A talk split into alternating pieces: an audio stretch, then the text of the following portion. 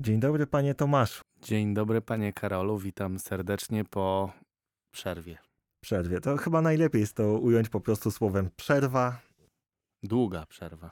Długa, no ale no, nie do przeskoczenia. Różne rzeczy się na to nałożyły. No dobrze, a ile nas nie było? Nie wiem. Zaraz ci To powiem. długa przerwa. Zaraz ci powiem. Czekaj. Muszę się posiłkować overcastem. No, bez mała dwa miesiące. 18 września ostatni odcinek był wypuszczony, a dzisiaj jest 15 listopada. Jak to nagrywamy? Tak, no dobrze, kochani, prawie nic się nie zmieniło, poza tym, że długo nas nie było. Wiele rzeczy się za to wydarzyło, one jakoś niespecjalnie zmieniły to, co się dzieje. Ale cóż, z chęcią wracamy, ja przynajmniej z olbrzymią, więc ja dzisiaj typowo spontanicznie, bo wiele newsów, które po drodze przygotowywałem, po prostu straciło ważność, więc powiem tylko o kilku istotnych rzeczach, które na gorąco się dzieją. Nie wiem co od ciebie, Karol, ale dzisiejszy odcinek potraktujemy jako lekką rozbiegówkę, mam nadzieję, przed powrotem do regularnych spotkań. Tak, ja będę chciał wrócić do kilku wniosków, które napisałem, będąc jeszcze na wakacjach i świeżo po nich, ale co, od newsów. Od newsów, no, ha, no od newsów.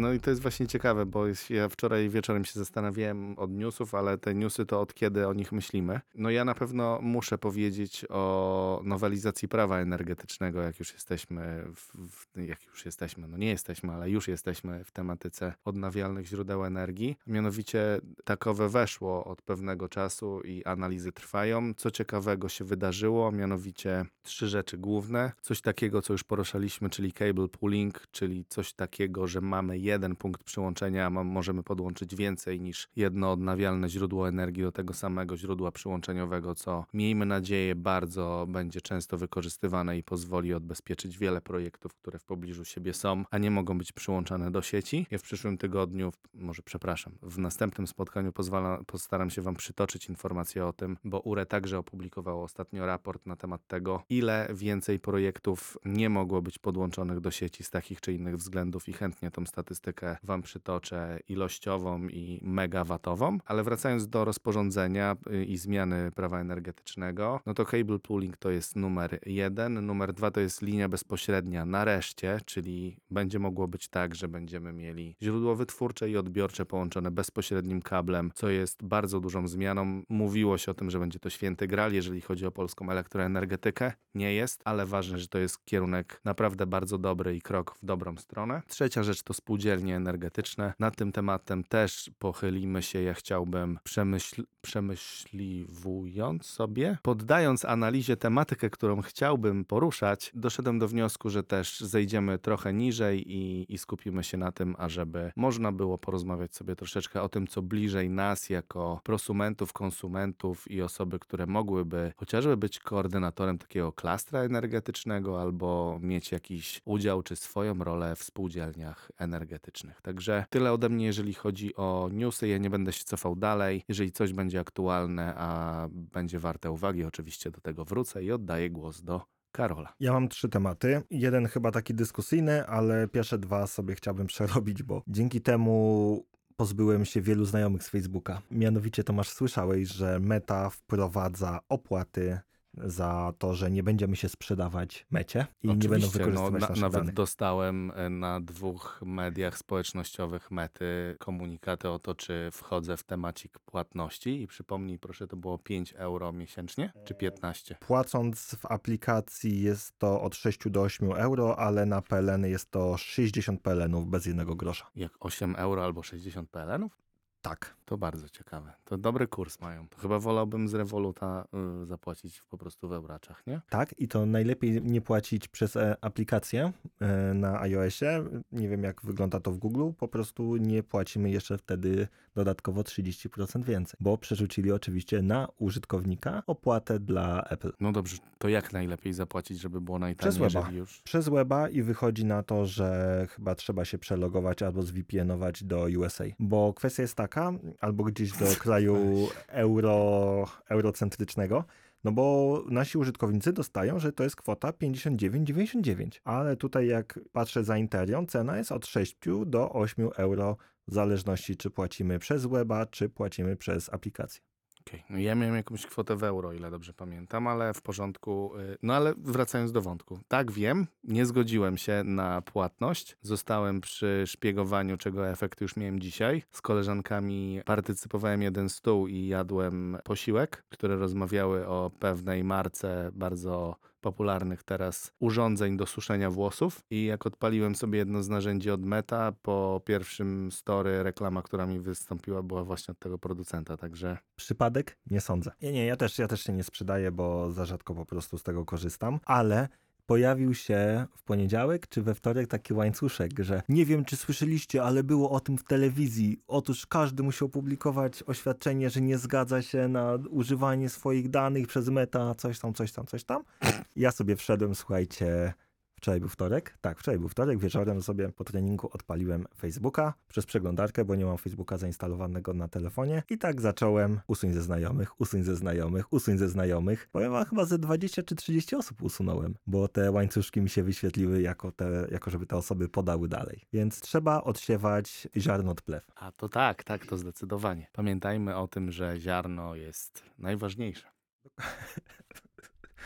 E, przypomniał mi się pewien utwór Abradaba o sadzeniu ziarna. Okej, Bardzo. Myślałem, że program y, telewizyjny ziarno, ale no dobrze. A, był, był, taki był, był. No nie, ja też nie będę płacił, tak jak mówiłem. Zobaczcie, co wasi znajomi udostępnili, też sobie ich usuńcie, będziecie zdrowsi. Możecie też nam dać znać w formularzu kontaktowym na forajempodcast.com łamane przez komunikacja. Możecie nas tam złapać i dać nam znać, czy będziecie płacić, czy też nie. Druga kwestia to jest bardzo świeży temat, bo z wczoraj mianowicie Departament Sprawiedliwości zwiększa zespół dochodzeniowy do spraw antymonopolowych gigantów technologicznych. I okazuje się, że Google daje Apple'owi 36% udziału w przychodach z reklam generowanych przez Safari. Tylko przez to, że Google jest automatyczną wyszukiwarką, znaczy domyślną wyszukiwarką w Safari. I 36% to jest bardzo dużo. Szczerze mówiąc, nie sprawdzałem ostatnich wyników kwartalnych Apple, ale chyba się pokuszę po prostu w wolnej chwili i zobaczę, jaki to był procent, bo tutaj w artykule widzę, że jest to aż 20 miliardów dolarów rocznie. Tylko za to, że w Safari macie domyślną wyszukiwarkę Google. Ładna kasa. Czyli po prostu dzięki temu, że na ekosystemie Apple korzystamy z alfabeta, mamy kupę kabzy, tak? Znaczy Apple ma kupę Tak, kabzy. tak. Apple sobie bardzo dobrze dorabia do interesu. Okej. Ja, szczerze mówiąc, ostatnio, jeżeli chodzi o kwestie firmowe, korzystam z Edge'a, korzystam z Binga. Do tego, że w Edge'u mam tutaj Binga, Bing Chata, teraz to się nazywa Copilot with Bing Chat. I szczerze mówiąc, jak potrzebuję czegoś wyszukać, to ja wolę zapytać Binga i z tym e, Bing Chatem, niż szukać w wyszukiwarce, bo szczerze mówiąc, jest coraz bardziej inteligentny. Ostatnio No szukałem... Copilot ma zaszyte mechanizmy AI, nie? Więc to, no dobrze. Dobrze, dobra polecajka. tak, po, e, jeszcze po, nie kończymy. Tak, ale słuchaj, najlepsze jest to, potrzebowałem ostatnio, pewien skrypt zaczął, przez, przez, zaczął przestać mi działać. Przestał mi działać. Mam tak zrobione, że w momencie, kiedy mam klawiaturę makową i mam przycisk eject w prawym górnym rogu, odpowiadał w aplikacji Teams za wyciszanie. Okazało się, że po ostatnich zmianach w Teamsach, czyli na Macu rozdzielenie na Teams New, Business, School, coś tam, coś tam i Teams Classic, zmienił się sposób, w jaki można wywołać API do wyciszenia. Normalnie jest tak, że masz e, Command Shift M, to jest wyciszenie mikrofonu. No i niestety w, przez karabinera nie da się ustawić tego skrótu jako eject. Ale oczywiście trzeba sobie radzić, więc poprosiłem Copilota, żeby napisał mi skrypt, p- skrypt w JSONie, znaczy bardziej takie makro w JSONie, które by mi remapowało ten przycisk. Super, napisał, ale najlepsze, że dodał w najnowszej wersji systemu macOS nie będzie działać, bo to, to i to. A najlepsze jest to, że jedna, jedna jedyna strona, później jaką się dokopałem i to w Google, mówi o tym, że nie będzie to działać. Więc zakładam, że Bing Chat jest na tyle inteligentny, robię tutaj bardzo duży cudzysłów, że potrafi z sieci cały czas się uczyć. Nie ma tak jak ChatGPT, chyba w wersji 3 czy 3,5 turbo, był zlokowany do pewnego momentu, już nie miał, że tak powiem, nowego wsadu. Teraz chyba GPT-4 dopiero jest cały czas zasilany danymi z internetu, ale no nie ukrywam, nie miałem czasu sprawdzić. Ja tylko pamiętam słowa już przytaczanego tutaj profesora Andrzeja Dragana, który przekleństwem uważa podłączanie czatu GPT do internetu, więc pytanie brzmi, co dalej? Wiesz co, przykłady wszystkie pokazują, Microsoft też miał swoją AI, nie pamiętam, 5-6 lat temu, że jeżeli zasilasz ją danymi z internetu, ona zaczyna być faszystowska w pewnym momencie i zaczyna obrażać pewne mniejszości, ale no to pokazuje po prostu, ile takich treści mamy w sieci dostępnych na wyciągnięcie palca. Niestety tak. No i rzecz, bez której chyba nie moglibyśmy nie mówić, MacBooki i iMac nowy się pojawiły. I nowa generacja procesorów. Tak, tak, mamy mm, serię trzecią, M3. Wydarzenie było o skandalicznej porze, o pierwszej w nocy naszego czasu. Oczywiście w Stanach e, było to chyba o siódmej czasu, e, o piątej po południu czasu pacyficznego. No i wstałem, wstałem. Słuchajcie, można było to załatwić mailem. Albo mm, powiadomieniem na newsroomie. No fajnie, fajnie, ale na pół godziny nie opłacało mi się budzić, bo pół godziny później próbowałem jeszcze usnąć. I jedyna pozytywna rzecz z tego wydarzenia, później się okazało, całe wydarzenie było nagrywane iPhone'ami. I podlinkuję wam wideo na YouTubie, jakie Apple zamieściło.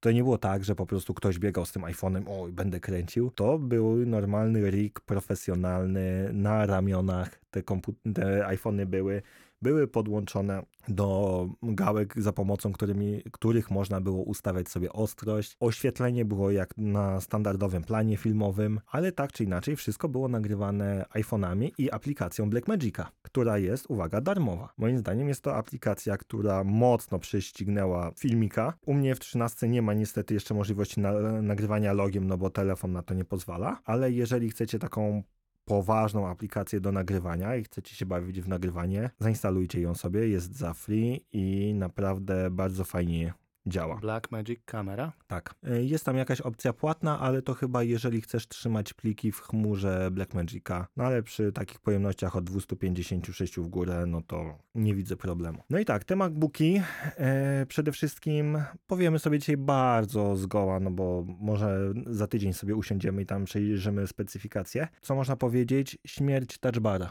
w końcu śmierć touchbara i mamy taką dosyć specyficzną sytuację, bo na początku roku, w lutym, kiedy wyszły MacBooki Pro, mm, Mac Studio czy też e, Mac Studio z procesorami serii M2 Max i Ultra, decydenci Apple mówili w e, różnych podcastach, że ten touchbar no jednak jest rzesza fanów, którzy chcą go używać. No i szkoda, że 7 miesięcy później go zaorali. Więc no kwestia jest taka, że no w sumie też współczuję trochę osobom, które kupiły w lutym komputer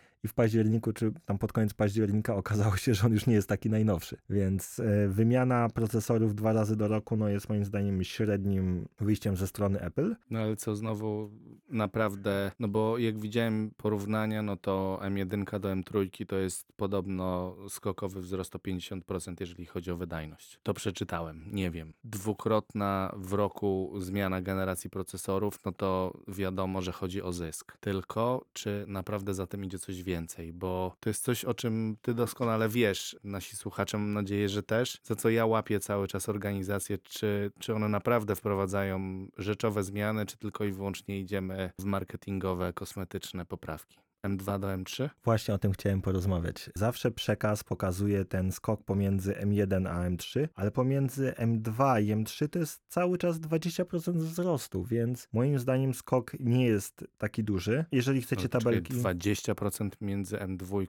a M3, ale Tak. w odniesieniu do jedynki, czy między dwójką a trójką? Pomiędzy dwójką a trójką. Mhm. No to 20% no to jest dość dużo, jakby nie było, ale pytanie brzmi, czy jeżeli chodzi o wszystkie parametry, czy o, nie wiem, kilka kluczowych albo mniej znaczących. Właśnie. y, Problemem jest to, że zmienił się stosunek tych korów performance do. y, Bo mamy te kory wydajnościowe i te spoczynkowe, że tak powiem.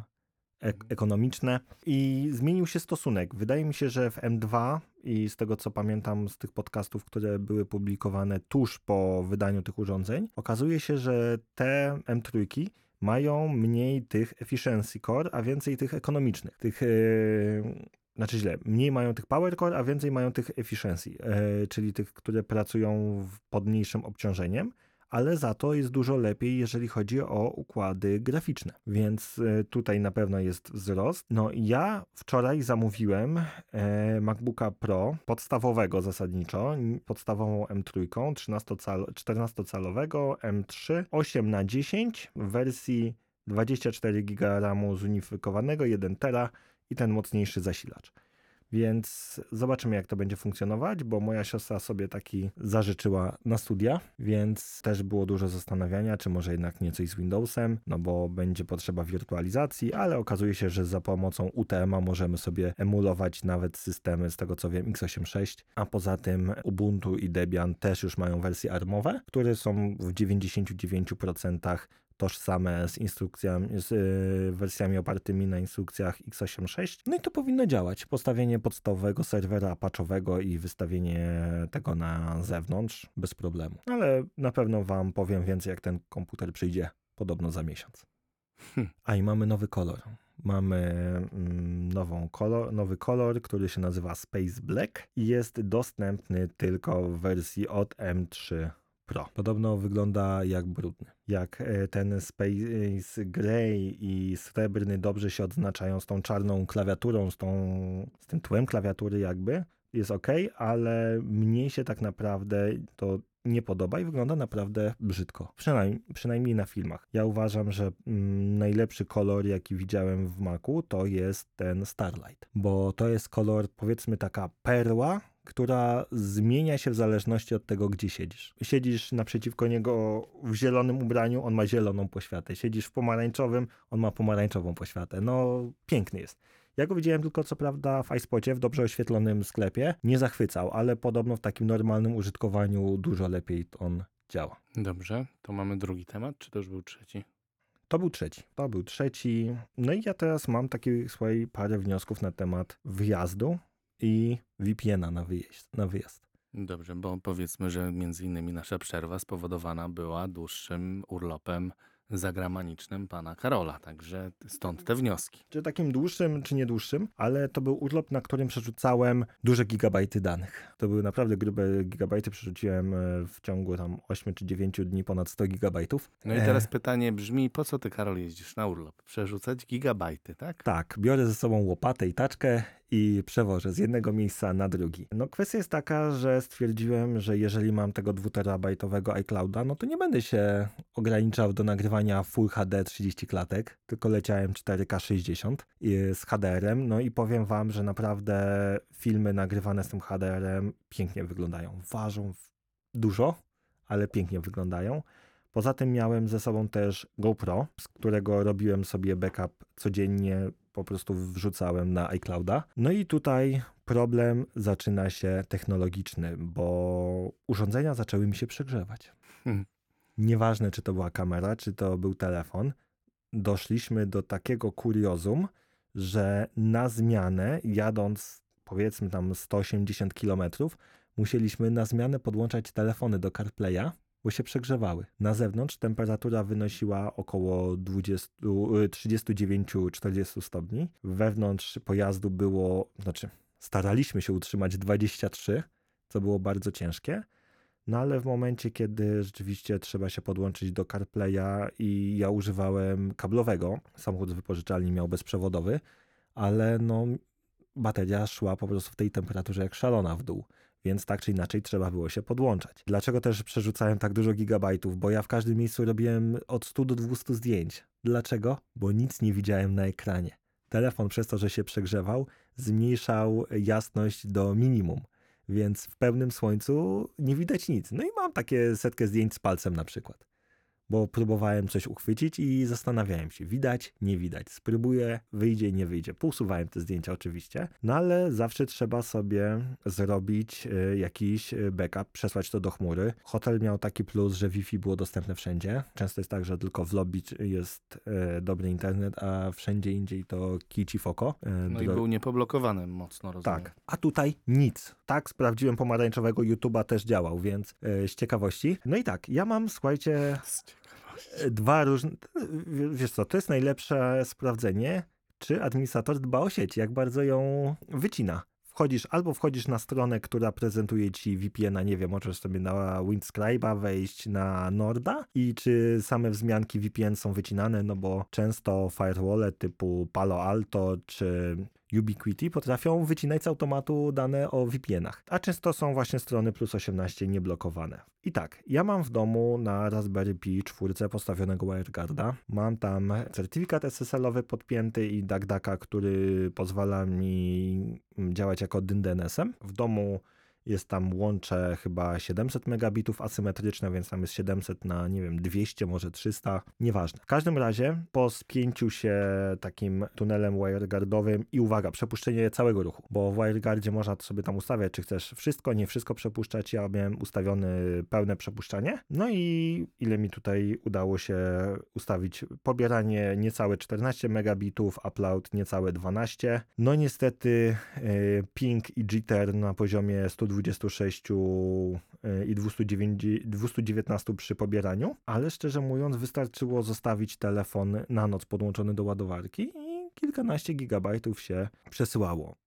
Ja uważam, że zawsze, kiedy łączymy się w jakiejś publicznej sieci, trzeba mieć VPN. Jeżeli nie chce Wam się stawiać własnego VPN, zawsze możecie skorzystać z jakiegoś e, certyfikowanego dostawcy, nie wiem, ExpressVPN. Posłuchajcie sobie podcastów, zobaczcie, kto najbardziej się reklamuje, porównajcie oferty i często jest tak, że nawet polskie podcasty chyba polecają Surfsharka. Oni mają taką ofertę chyba partnerską. Kiedyś był to mm, NordVPN. No i w każdym razie obejrzyjcie sobie, zobaczcie. Często można włączyć okres darmowy na od 7 do 14 dni na wyjazd jak znalazł. No bo wasze telefony wymieniają bardzo dużo danych. Jeżeli kiedy byście, kiedyś byście sobie spojrzeli na ilość zapytań, ile wasze urządzenie wysyła w ciągu godziny, to byście się zdziwili. Niestety prawda, aczkolwiek wydaje mi się, że to dalej jest nisza i, i wykorzystywanie VPN-a jest tylko dla... Oglądania Prima i Netflixa z innego katalogu niż dostępne w danym kraju. Ale, ale słuchajcie, najnowszy tvOS przyniósł wam świetną zmianę. Jeżeli macie tylko Apple TV, warto sobie założyć darmowe konto na Tailscale'u. Jest to Zero Tier VPN. Korzystam w jednym projekcie, bardzo fajnie się to sprawdza. Zakładacie sobie, logujecie, logujecie się do Tailscale'a, możecie się za pomocą konta Microsoftowego, GitHuba zalogować, założyć tam konta. Super.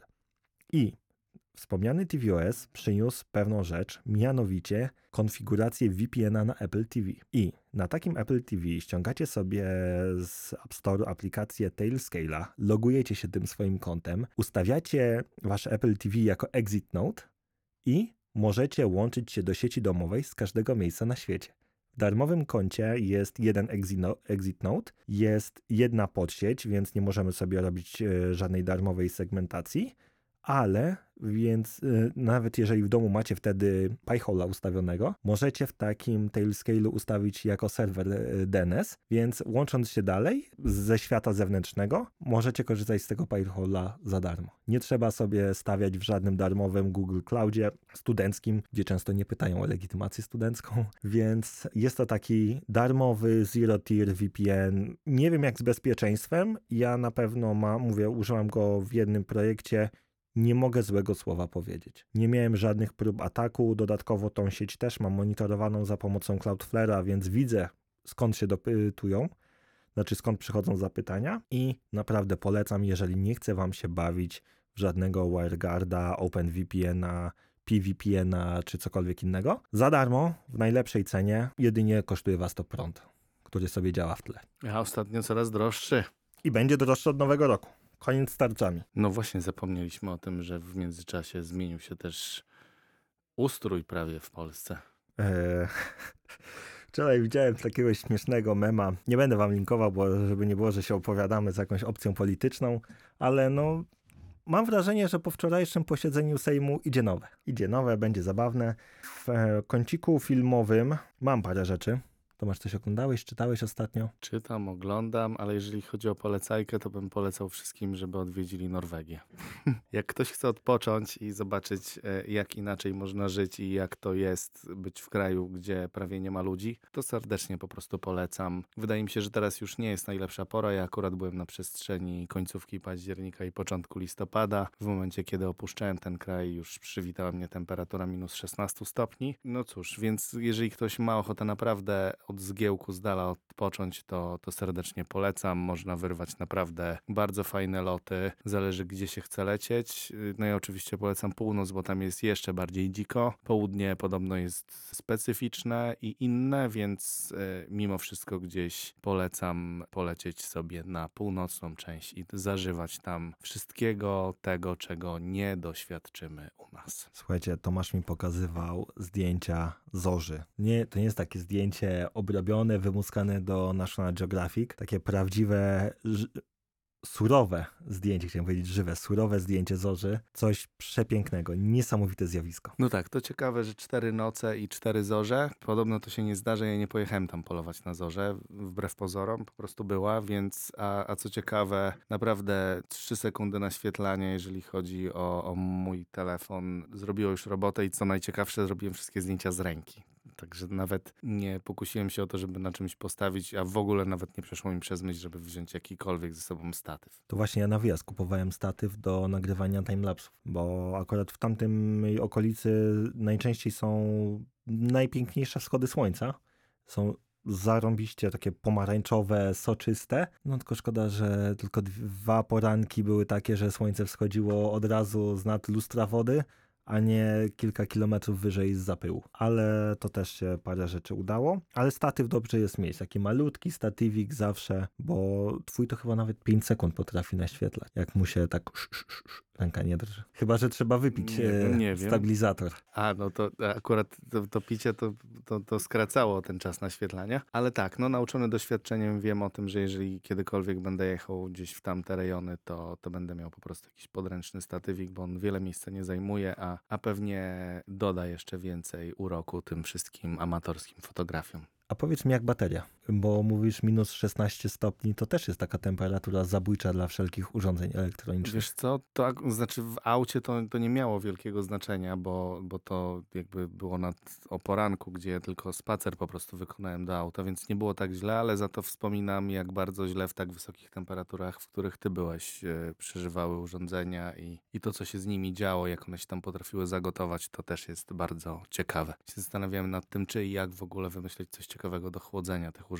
żeby bezpiecznie to w miarę robić. Nie wiem, chyba się nie da. Ja stwierdziłem, że na najbliższy wyjazd to nowe GoPro, bo ja często GoPro w trakcie jazdy wykorzystuję jak rejestrator jazdy, tylko że nagrywam timelapsa. Wybraliśmy się na super malowniczą podróż.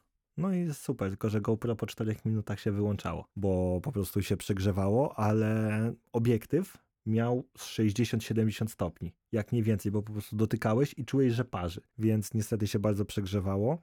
No i zauważyłem, że bardzo, ale to bardzo dużo osób dronami lata.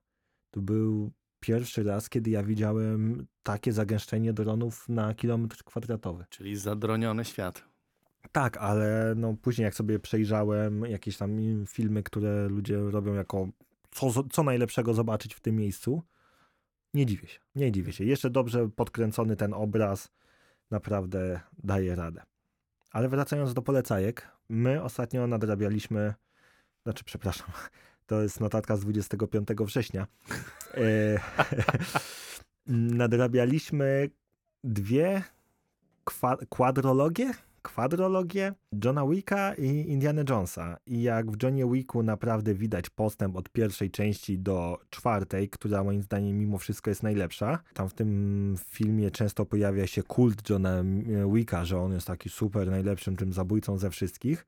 To pierwsze dwie części mówią tak, John jest dobry. Trzecia mówi, no ciesz się chłopie, że przeżyłeś a czwarta pokazuje, że po prostu no, you don't mess up with e, John Wick. I mam nadzieję, że powstaną kolejne części. Chociaż ta końcówka była taka, że byłbym jednocześnie usatysfakcjonowany tym, jak się skończyło. Bardzo ciekawą historią jest właśnie, są te zasady high table, oni to nazywają radą u siebie, oraz zasada też hoteli Continental, jak e, działa u nich etyka zawodowa. Pierwszej albo drugiej części właśnie, jak John poleciał do e, Rzymu, dostał tylko jedno pytanie od szefa hotelu. Czy przyleciał po papieża?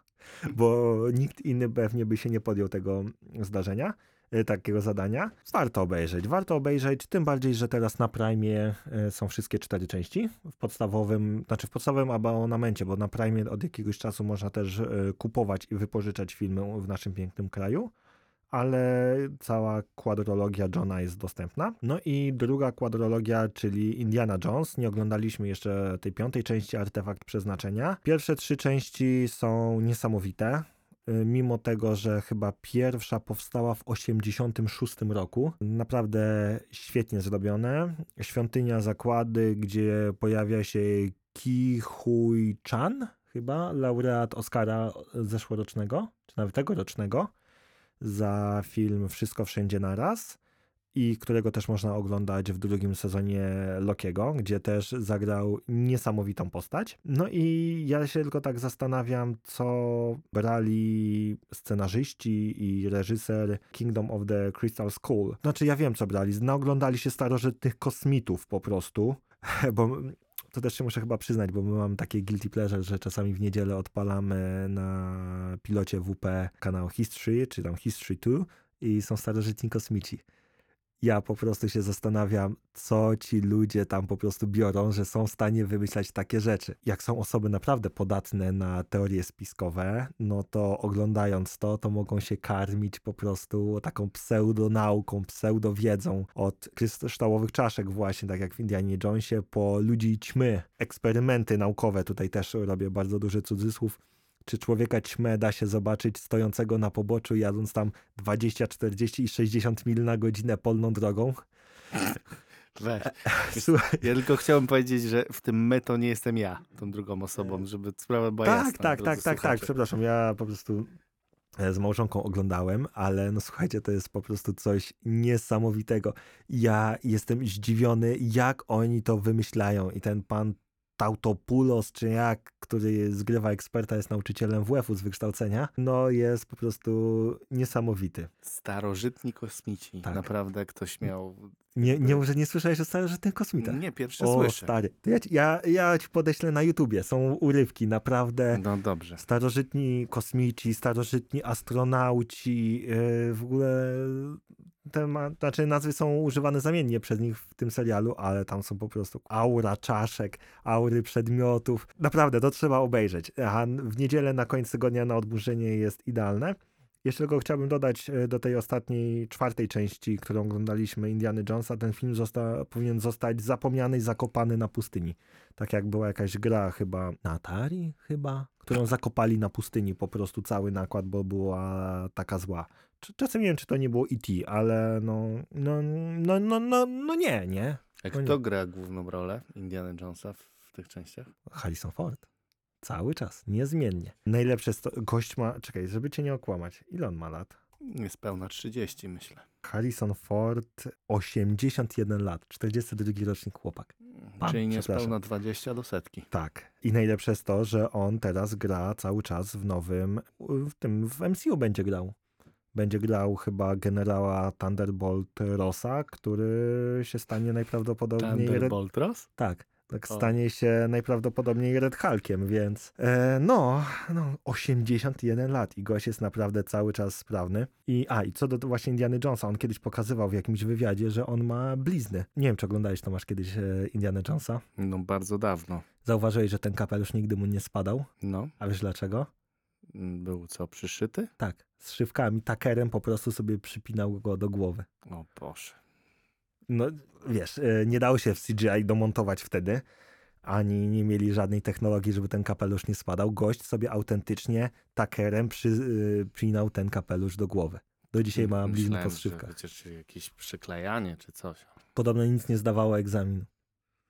Więc no szacunek za taką odwagę i poświęcenie dla roli. Chyba jeden z najdłuższych odcinków ostatnimi czasy, nie? No, dwóch miesięcy na pewno.